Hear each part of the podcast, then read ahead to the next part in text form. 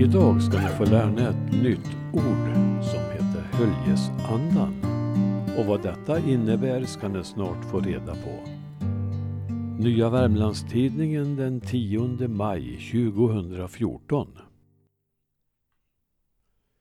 Jag hörde ibland gamla busschaufförer säga att det blev mycket livligare och trevligare i bussarna när man kom norra Tösa, det vill säga till Norra Finnskoga. Folket var mer öppet och socialt och spred trivsel.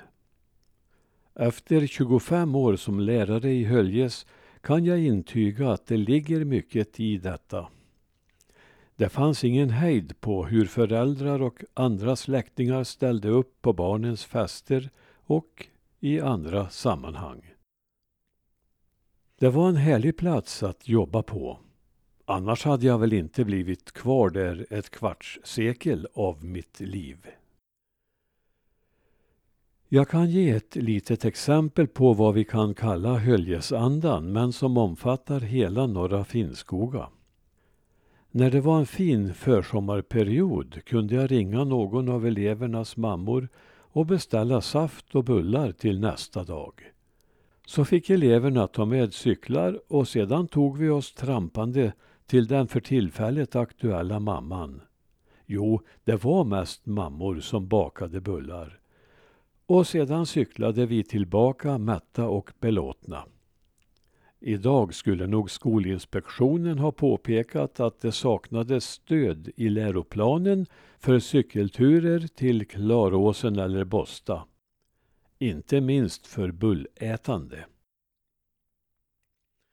Ett påtagligare bevis på Höljesandan är väl den framgångsrika motorklubben som växt fram ur tusentals ideella arbetstimmar.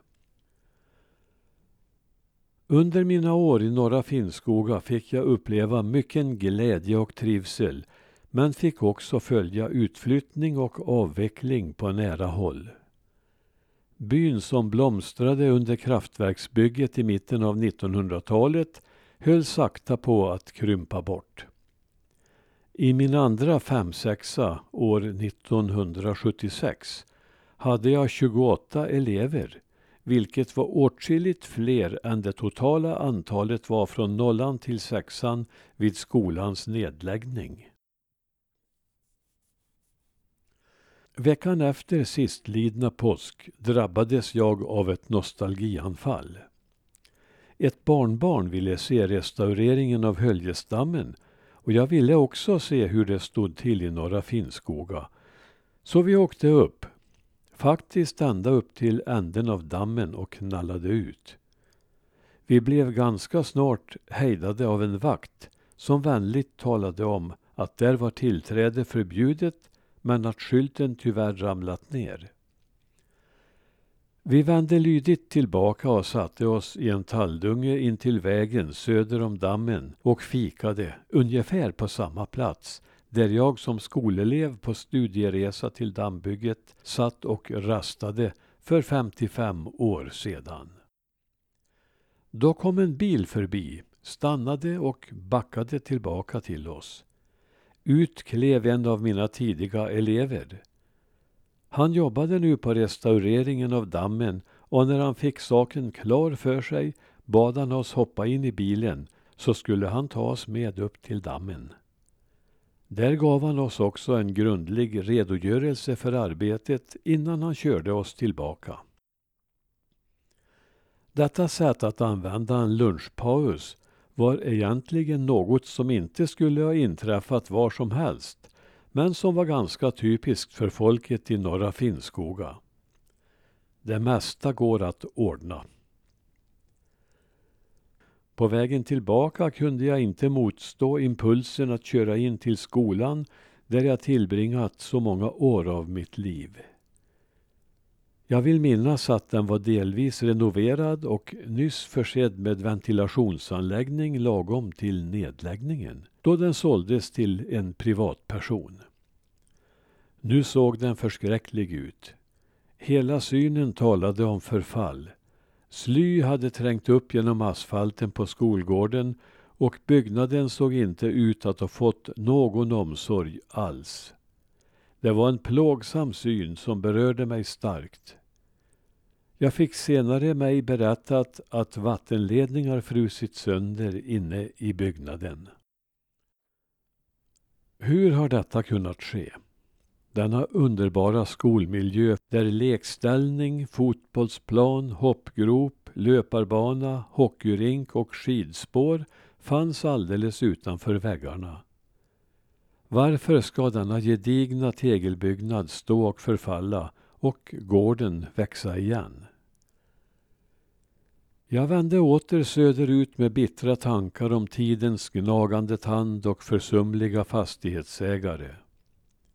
Väl hemma läste jag i bladet att min gamle vän, Stora Skogs bevakningsledare i Höljes, Stig Halvarsson, hade avlidit.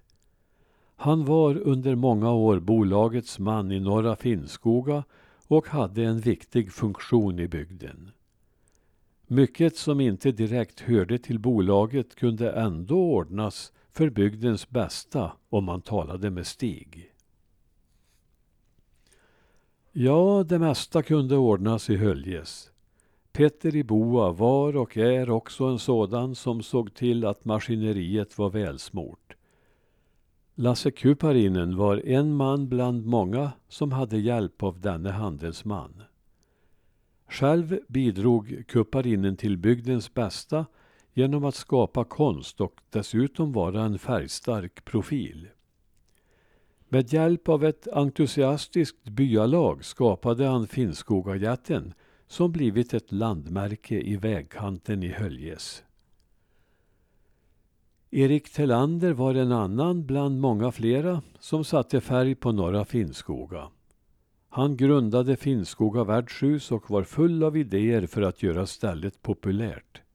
Vilket också lyckades. Han avslutade sin bana med att skriva ner sina barndoms och beredskapsminnen och gjorde detta så suveränt att han blev prisbelönad. Ända uppemot 80-årsåldern var han med och stred för sin kära hembygd. När det blev tal om nedläggning av äldreboenden gick han med i ett demonstrationståg iklädd en ansiktsmask som föreställde en gammal gubbe. Ungefär i hans egen ålder. Denne kämpe visste aldrig att han själv var gammal där under masken. Jag skulle också kunna berätta om Ove Jonsson och många fler som oegennyttigt verkat för bygden men utrymmet tillåter inte. Gamla profiler har försvunnit eller trätt tillbaka men nya må komma med nya generationer om bygden lyckas leva vidare. Många genomtrevliga elever har passerat genom mitt klassrum under det kvartssekel jag var där uppe och glädjande många har jag ännu viss kontakt med, om inte annat så genom Facebook. Men hur går det med återväxten i byn? De allra flesta har ju lämnat bygden som inte kunnat erbjuda många arbetstillfällen. Men barnantalet tycks ändå ha börjat stiga på nytt och förskolan har flyttat in i nya lokaler i gamla prästgården. Kanske ändå. Affären har nu varit igång över ett år i ny regi och Finnskoga värdshus går in i sitt fjärde år med sina nya ägare. Båda inrättningarna har unga höljesfostrade ägare vilket nog kan ses som en garant för att den gamla höljesandan lever vidare. Men det stora lyftet kan byn få om affärssatsningen i Långflon lyckas. Då måste Höljes bli berört som gamla församlingens centrum och största by. Vi håller tummarna.